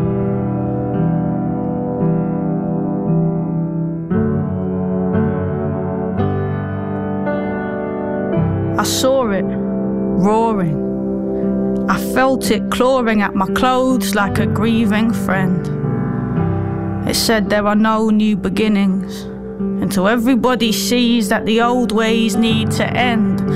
But it's hard to accept that we're all one and the same flesh, given the rampant divisions between oppressor and oppressed. But we are, though. More empathy, less greed, more respect. All I've got to say has already been said. I mean, you heard it from yourself when you were lying in your bed and couldn't sleep, thinking, couldn't we be doing this differently? I'm listening to every little whisper in the distance singing hymns, and I can. I can feel things changing, but it's so hard. We got our heads down and our hackles up, our backs against the wall. I can feel your heart racing. None of this was written in stone. The current's fast, but the river moves slow, and I can feel things changing. Even when I'm weak and I'm breaking, I stand weeping at the train station, cause I can see your faces. There is so much peace to be found in people's faces. There is so much peace to be found in uh, people's faces. Kay Tempest is dit. Um, Maaike Neuville, denk omwille van de artiest, maar ook omwille van het nummer, hè? dat je dit wou laten horen. Ja, ehm, ik vind, eh, ik moet hen zeggen, hè, want zij is, hij, hen is non-binair. Ehm, ik hoorde het voor de eerste keer eh, in, toen we in de auto waren, in de Ardennen. Het was nacht, er lag sneeuw. En dit lied kwam op de radio en ik wist niet wat er gebeurde. Dat was precies alsof hen bij ons in de auto zat. Ik hoorde die stem en ik dacht, die communiceert eh, instant met, met mij. Wat hen zegt, komt meteen eh, bij mij aan. Er is geen scherm. Er is geen, geen, geen, geen masker zo. Dat, is- dat, dat, is- dat, is, ehm, vind ik heel erg eh, hun kracht. Dat is wel heel moeilijk, zo'n andere voornaamwoord. Maar bon, ik doe mijn best. Ehm, En waarover gaat dit nummer voor jou? Ja. Waarom komt het zo binnen? dus het nummer zelf, hè, People's Faces, eh, wat hen zingt. ehm, ik, ik hoor altijd in, in andere nummers eh, van Kay. Er zit ook veel kwaadheid in soms. Zo. Veel kwaadheid in hoe de wereld op dit moment draait en, en, en de onrechtvaardigheid. Ehm, maar tegelijkertijd oefent zij ehm, hen, excuus, een enorme. ehm, oefent zij zichzelf. Ja, bon, ik ga het gewoon laten, ik ga het echt laten gaan. Maar in eh, empathie, radicale empathie. En dat is eh, voor mij wat hier heel sterk aanwezig is eh, in dit nummer. Namelijk de wereld. Eigenlijk zegt hen, de wereld gaat eraan, maar in de gezichten van mensen zit zoveel schoonheid. En dat is eigenlijk, vind ik, de essentie ehm, wat, ons, wat ons, ons mens zijn gewoon. Met alles, met alle vreselijke eigenschappen, met alle mooie eigenschappen wat, wat ons bindt. Gewoon wij zoekende wezentjes. Zo. En, en dat, is de blik, dat is die blik die ik heel sterk herken bij bij de nummers die uh, Kay maakt. Is het ook die poëzie die jou raakt? De poëzie, en die heeft een ongelooflijk eh, gevoel voor ritme en timing. Dat is echt... eh, dat, is, ja, spoken word, hè, dat is ergens zo tussen rappen en, en, en, en poëzie. Ja, ik vind het eindeloos eh, inspirerend. Je leest ook graag poëzie. Hè? Je hebt eh, een boek aangeraden ehm, in ons voorbereidend gesprek van Margaret Tate. Wat moeten we daarover weten? Ik heb haar leren kennen door Anouk de Klerk, die hier ook eens eh, heeft eh, gezeten, volgens mij. Ehm, maar... ehm, en zij ehm, postte ooit op Facebook een gedicht van haar en daardoor eh, eh, ben ik haar beginnen opzoeken. Ehm, zij is een Schotse eh, dichter. Die, zij was ook dokter, is ondertussen gestorven, ehm, en filmmaker. En zij noemde haar films, als ik het goed heb, filmgedichten, denk ik, filmpoems. Ehm, ja, en dat is natuurlijk zit, dat, dat, dat is een kruispunt waar ik mij heel sterk op bevind. eh, op het schrijven, het filmmaken. Eh, dokter niet, dat, dat nog niet. Ik heb wel een heel goede vriendin die dokter is, maar tot daar gaat mijn kennis van. eh. Je had ook een, dicht, een gedicht van haar doorgestuurd. Ja. Misschien moet je dat even lezen. Ja, heel graag. Wacht, het is een stukje uit haar gedicht. Eh, uit een gedicht van haar. Ehm. ik had gezegd dat ik het ging klaar hebben, hè? en nu vind ik het niet meer terug. Ja, nee. Wacht, hè. Ah, hier. Ja. Het is een stukje uit het gedicht Now. En het is het einde ervan. The thing about poetry is you have to keep doing it. People have to keep making it. The old stuff is no use once it's old. It comes out of the instant and lasts for an instant. Take it now, quickly, without water. There. Tomorrow there'll be something else. Wat ze zegt is, je moet schrijven, je moet poëzie schrijven. Ja, en je moet het blijven maken. En mensen moeten het blijven lezen. En de oude dingen zijn eigenlijk niet meer zo belangrijk. Eén keer dat ze oud zijn, zijn ze niet meer van nut. Je moet blijven vanuit het moment, vanuit het nu creëren, doorgeven, het laten resoneren en verder gaan. Zo. En voor jou was dat de reden om dat effectief te gaan doen? Ja. Elke klopt. dag een gedicht schrijven. Ja, maar dat, die, dat had ik al bedacht eh, op 1 januari eh, 2020. En dan dacht ik, oh, ik wil, ik wil mijn ehm, vakvrouwschap ehm, eh, ehm, uitwerken eh, als het gaat over schrijven. En eh, dan had ik dus het idee, ik ga elke dag een gedicht schrijven. En toen kwam corona, toen kwam de lockdown. Toen lag ik ziek in mijn bed. En toen moest ik terug aan haar ehm, eh, gedicht denken. En dacht ik, ja, ik kan hier natuurlijk wel de hele tijd blijven schrijven. En, en dan herlezen en terug eens opnieuw... eh, ehm, herwerken tot als ik het echt perfect vind. Of ik kan het ook gewoon online gooien en ik kan het met mensen delen en kijken wat mensen dan vanuit die eh, kwetsbaarheid, wat zij daarmee kunnen en of het hen eventueel kan raken. Maar dat ligt natuurlijk niet in mijn eh, macht, of het iemand raakt of niet. Eh, het enige wat ik kan doen is het delen. En ehm, zij, dat gedicht van Margaret Tate heeft mij wel geholpen om dat te doen. Ja. Wil je een gedicht van jou met ons delen?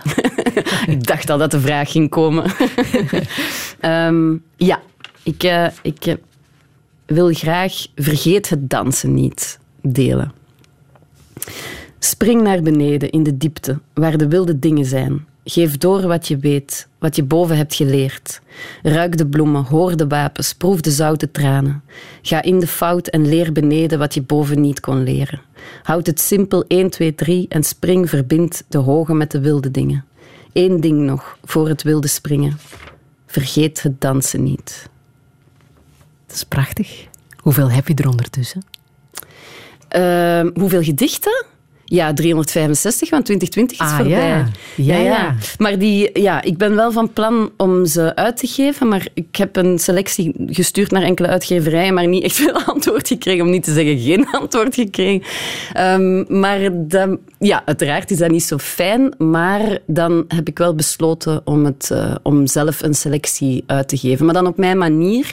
Ehm, en daar kan ik nog niet veel over zeggen, alleen dat het eh, traag gaat en dat het veel werk vraagt. Dus eh, voilà, kijk. Ja, eh, mogen we er echt niks meer over weten? Ehm, nee, ik kan zeggen dat het Vergeten Dansen niet zal heten. Dus ik heb Hou nu het het... in eh, de gaten. Ja, ja. De eerste dichtbundel van Maaike Neuville. Op welke manier die gaat verschijnen. Oké, we zijn gewaarschuwd.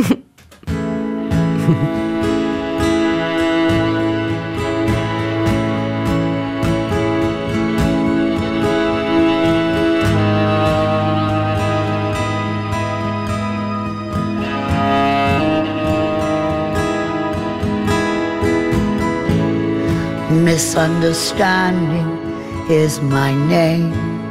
What I am is not a game. Such an easy trap to fall for anyone. And then you find yourself alone. No explanation you can give that you or I believe. Understand.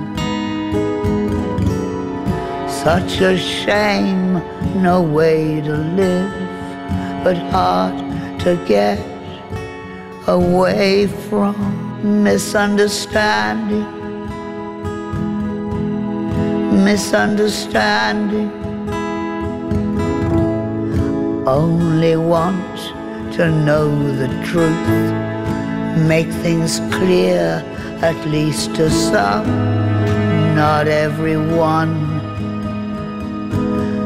That can never happen on its own. Help me, other people, understand that I am not alone. Misunderstanding misunderstanding, misunderstanding. Stay away, stay far away from me and from those I love. You only want to fuck me up if you can, but I say no. Lovers need a lot of rest to give their all, to give their best. Mistakes are worthless, and misunderstandings worse. A game I will not play, a curse, misunderstanding, misunderstanding misunderstanding, misunderstanding. Love is real, love is here. The only thing I know for sure. Love lasts longer, have no fear. Only you have such a lure. Misunderstanding van Marian Faithful. Ik zag dat ze eind dit jaar 75 wordt. Ze weet waarover ze zingt, hè. Maaike Neuville. Ja. Dat, voel je aan alles. Voilà, Ja. dat voel je aan alles, dat hoor je aan alles. Eh, eh, Alleen al aan haar stem, maar gewoon aan wat ze zegt. Is, is, is de, het, ehm, de zin lovers need a lot of rest al gepasseerd? Ik denk het. Ja, Ah ja, we waren aan het babbelen. Ja. Ja, maar zo mooi. Zo mooi. En die Ehm, zin die je er nu uitpikt, waarom is dat iets wat jou raakt?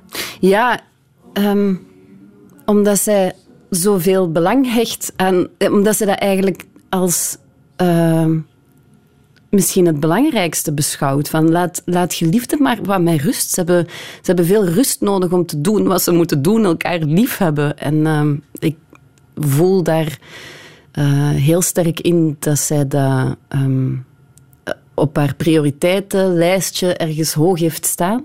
Terwijl dat dit lied natuurlijk ook wel gaat over, volgens mij, al die dingen eh, die mis kunnen gaan en die hoogstwaarschijnlijk, denk ik, in haar leven ook wel mis zijn gegaan. Namelijk het, het elkaar niet begrijpen. Ehm, en, en wat zo mooi is, is dat zij het begrip misunderstanding aanspreekt en dat zij zegt, blijf maar weg, blijf maar weg, want je staat in de weg van de liefde. Maar ik kan soms wel denken, het, je staat in de weg van de liefde, maar tegelijkertijd helpt je mij ook om eh, waarlijk lief te hebben. Ehm, want ik heb het meeste geleerd door eh, ja, iemand niet te begrijpen. Eh, en echt boel te maken, ruzie te maken. En daarna, mm, wat daarna, hoe gaat je daarmee om? Of tijdens. Eh, en volgens mij gaat het dan eh, in zo de romantische liefde, maar niet alleen maar, maar heel sterk over dat begrijpen. Het begrijpen dat je elkaar niet begrijpt. Misunderstanding begrijpen en dat niet willen oplossen per se, maar gewoon zeggen, ja, oké, ik versta u niet. Maar dat is niet erg. Zoiets. maar zij kan het dan beter uitleggen in haar eh, lied. Wat ehm, betekent de liefde voor jou? Goeie vraag. Ik, ehm, net zoals ik eh, heel moeilijk kan zeggen wie ik zelf ben, ehm, kan ik moeilijk zeggen wat liefde is. Maar ik kan wel zeggen wat ermee te maken heeft. Ehm, en dat is voor mij een, een, een ability, een, eh, een, een vermogen hebben om eh, ehm, te kunnen groeien in de liefde.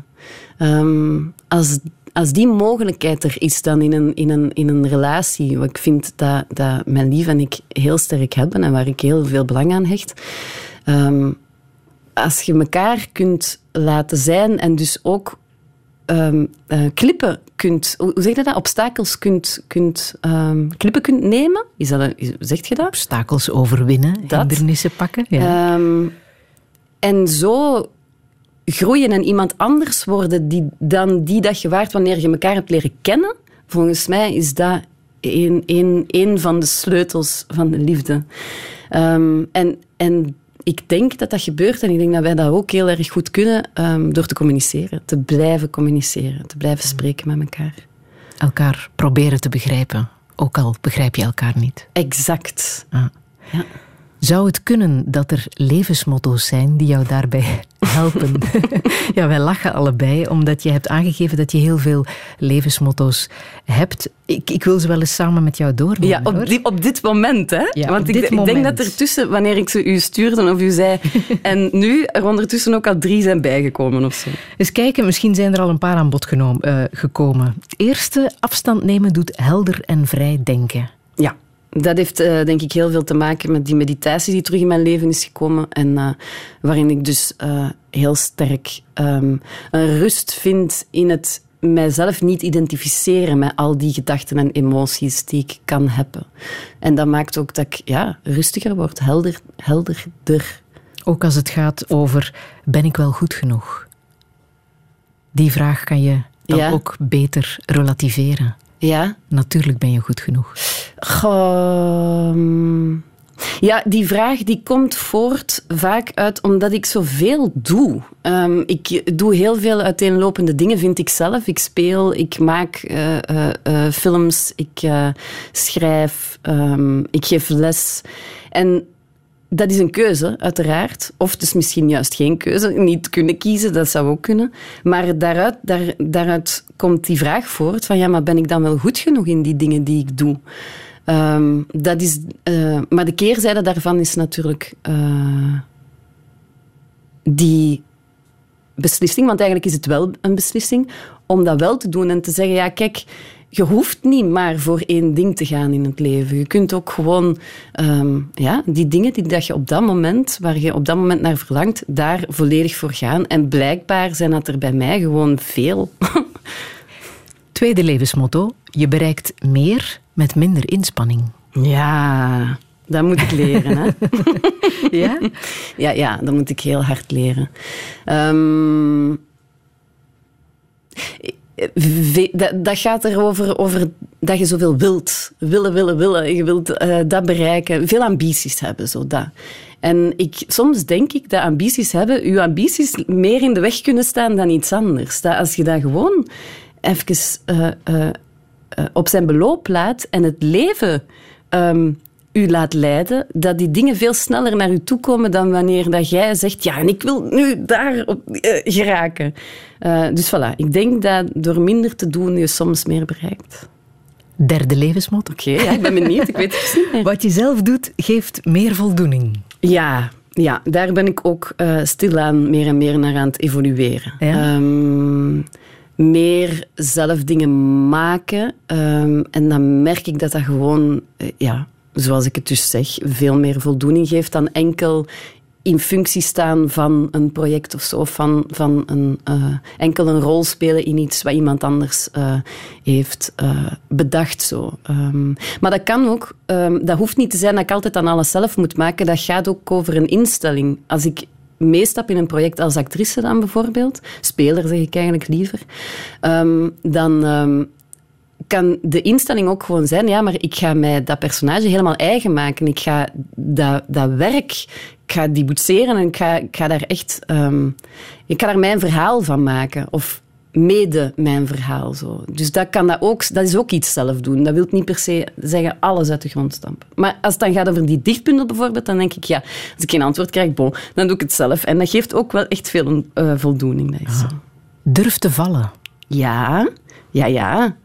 Eh, ja, Friedel, klopt.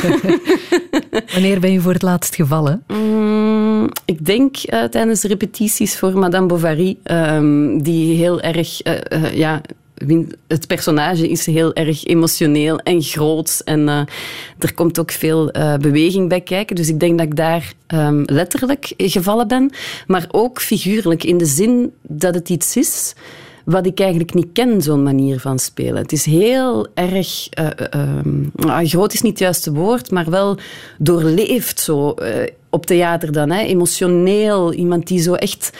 Ja, een soort veertje dat, dat ehm, eh, door van alle winden wordt meegevoerd. Zo. En ik kan alleen maar daarin staan met, eh, vanuit het idee, ja, ik ga het misschien beter niet op voorhand weten wat ik ga doen en hoe ik het ga doen. En het mij laten overkomen, die woorden mij laten overkomen. Maar gaat het ook over ehm, tegen mislukkingen kunnen? Het moment waarop ze zeggen, die Maaike Neuville heeft nu echt wel een heel slechte rol neergezet. Daartegen kunnen? Ja. Daar iets mee doen? Ja, mm, ja, maar dan eerder over de instelling eh, eh, waarmee je die rol doet. Namelijk ehm, tegen jezelf zeggen, kijk, ik weet het niet. Ik, ik, ik heb het niet allemaal onder controle. Dit is, ik, dit is nu het beste dat ik op dit moment van mezelf kan geven. En uiteraard is dat heel eh, pijnlijk als iemand dan zegt van ja, ja, ik vond het niks. Maar dat komt niet zo vaak naar u hoor. Eh, ik moet eerlijk zeggen dat de complimenten komen veel sneller dan wanneer iemand eh, denkt, ja, ik heb, ik heb daar niks mee of zo. Eigenlijk eerlijk gezegd heb ik dat gewoon... als het dan gaat over filmrollen of zo, nog niet gehoord van mensen. En ik zou dat eigenlijk wel graag eens willen. In de zin dat ik wel graag eens zou willen horen, kritiek willen horen. Of mensen die dan zeggen, ja, ik heb niet zoveel met u. Dan denk ik, ja, zeg eens, waarom niet? Wacht maar, Maaike. nu? Nee, nee. Ehm, het begrip wees nieuwsgierig. Ja. Ja, dat is voor mij op dit moment een hele belangrijke. Ehm, omdat ik volgens mij onbewust heel lang heb gedacht, en dat is eigenlijk helemaal niet zo leuk om te zeggen, maar bon, dat, ik- dat ik het allemaal wel wist of zo. Eh, ik denk dat dat iets is dat in mij eh, huisde. Een soort van, goh ja, ik, ik, ik, ik kan het wel of ik doe het wel. Dat dat één kant is van mij. Ehm, en om mij daartegen te wap- wapenen, soort, soort, ja, wat is dat, hoogmoed... ehm, heb ik mezelf gezegd van oké, maar dan word dus gewoon heel nieuwsgierig naar alles en, en wil leren. En dat is natuurlijk, ik hoefde dat niet heel hard tegen mezelf te zeggen, want dat is ook een kant die in mij zit of zo. Maar het zijn, het zijn dus twee, ja, die, die, die botsen soms wel eens met elkaar. Die, eh, ik weet al alles en eh, ik weet nog niks en ik wil nog zoveel leren. Nog een zesde levensmotto? Heb niet te veel motto's.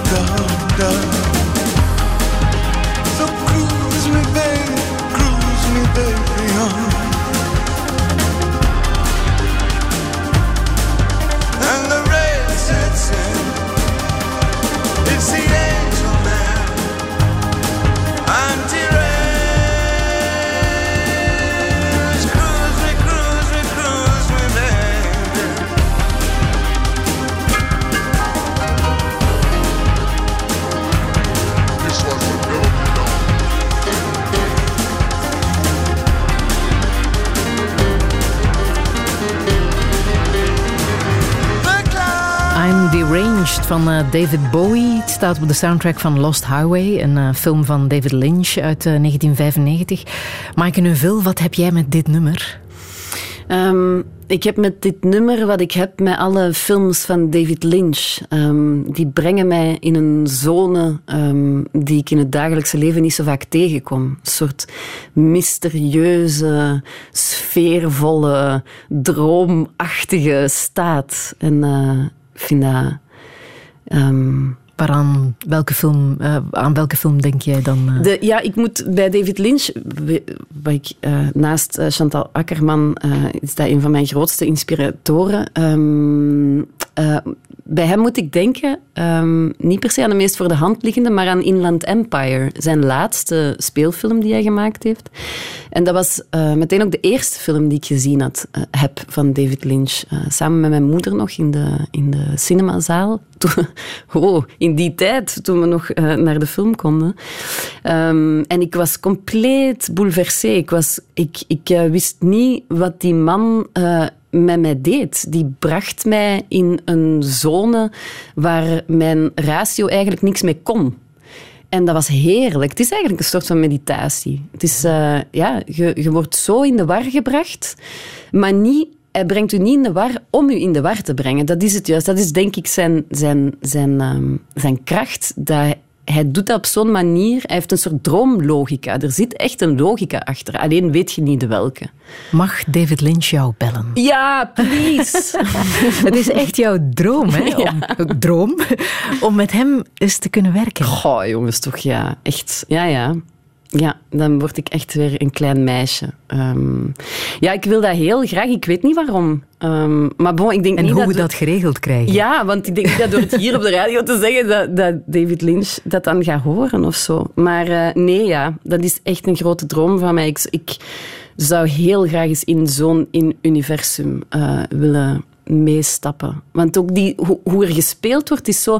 Dat is niet zoals we het kennen of zo. Het, is- het heeft altijd iets... Het is heel juist. Het klopt helemaal. Maar het is niet per se... ehm naturel of zo.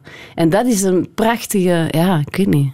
Het is woensdag zijn verjaardag. Hij wordt 75. Misschien Oké. moet je een kaartje sturen. Ja, ja. Dat is toch een begin. Peter Greenaway heeft jou wel gebeld. Hè? Dat is wel al gebeurd. Hè? Klopt, ja. Dat je kan hebt ik in eh, een van zijn films gespeeld. Goldjes and the Pelican Company. Een belangrijke naaktrol. daar, zo word je daar omschreven. Is dat echt Een belangrijke naaktrol. Staat eh, in Op de korte inhoud van eh, eh, deze film. Oh. Ik weet nog hoe ik heette, Isadora. Dus ik zou zeggen, een belangrijke naakte Isadora, zou ik zeggen. Ja. Ehm, ja, nee, dat was heel fijn om met hem te werken. Hij is ook theaterregisseur en je voelt dat. Ik heb één scène mogen spelen die in één shot werd gedraaid. En dat is ook dat is heerlijk, hè? want dan kun je, dat was een scène van tien minuten lang. Dus je kunt tien minuten lang gewoon in die eh, concentratie zitten eh, met elkaar, met de tegenspeler. Ja, het geeft je heel veel vrijheid. Volgende zomer word jij 38. Um, ja, waarschijnlijk. Hè.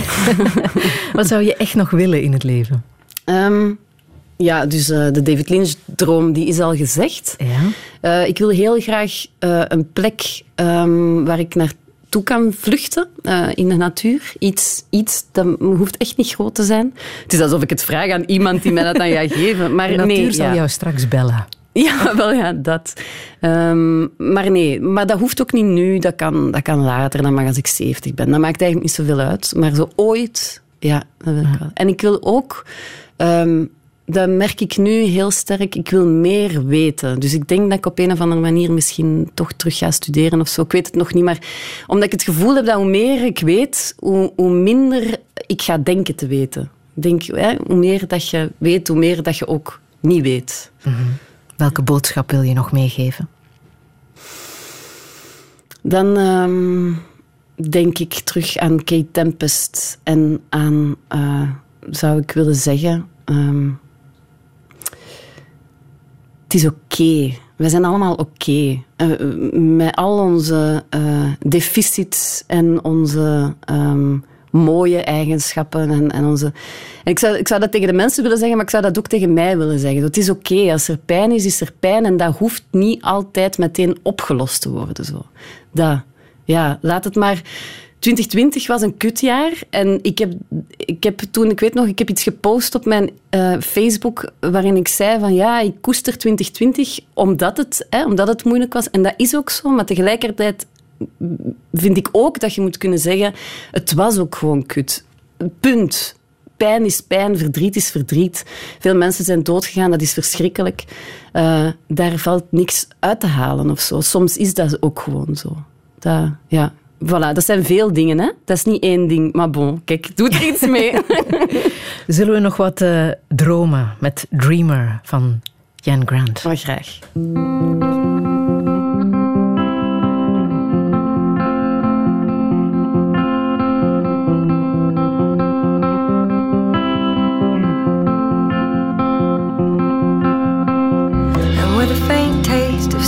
Cigarettes, you write a hallelujah song.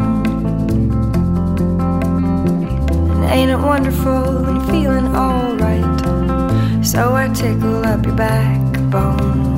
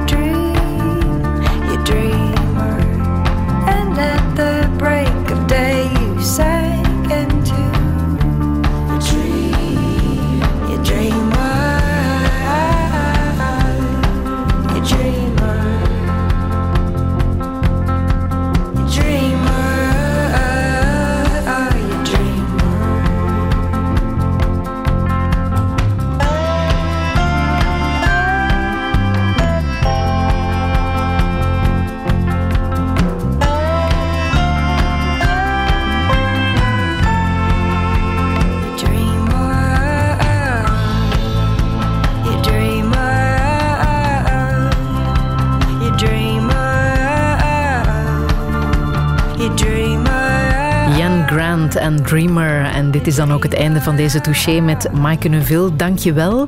Ik wens je heel veel succes bij de Ensors. Alle info staat ook na te lezen op onze website radio1.be. En volgende week verwacht ik hier ruimtevaartspecialiste Nancy Vermeulen. Fijne zondag nog. Herbeluister Touché via de podcast, de Radio 1-app en radio1.be.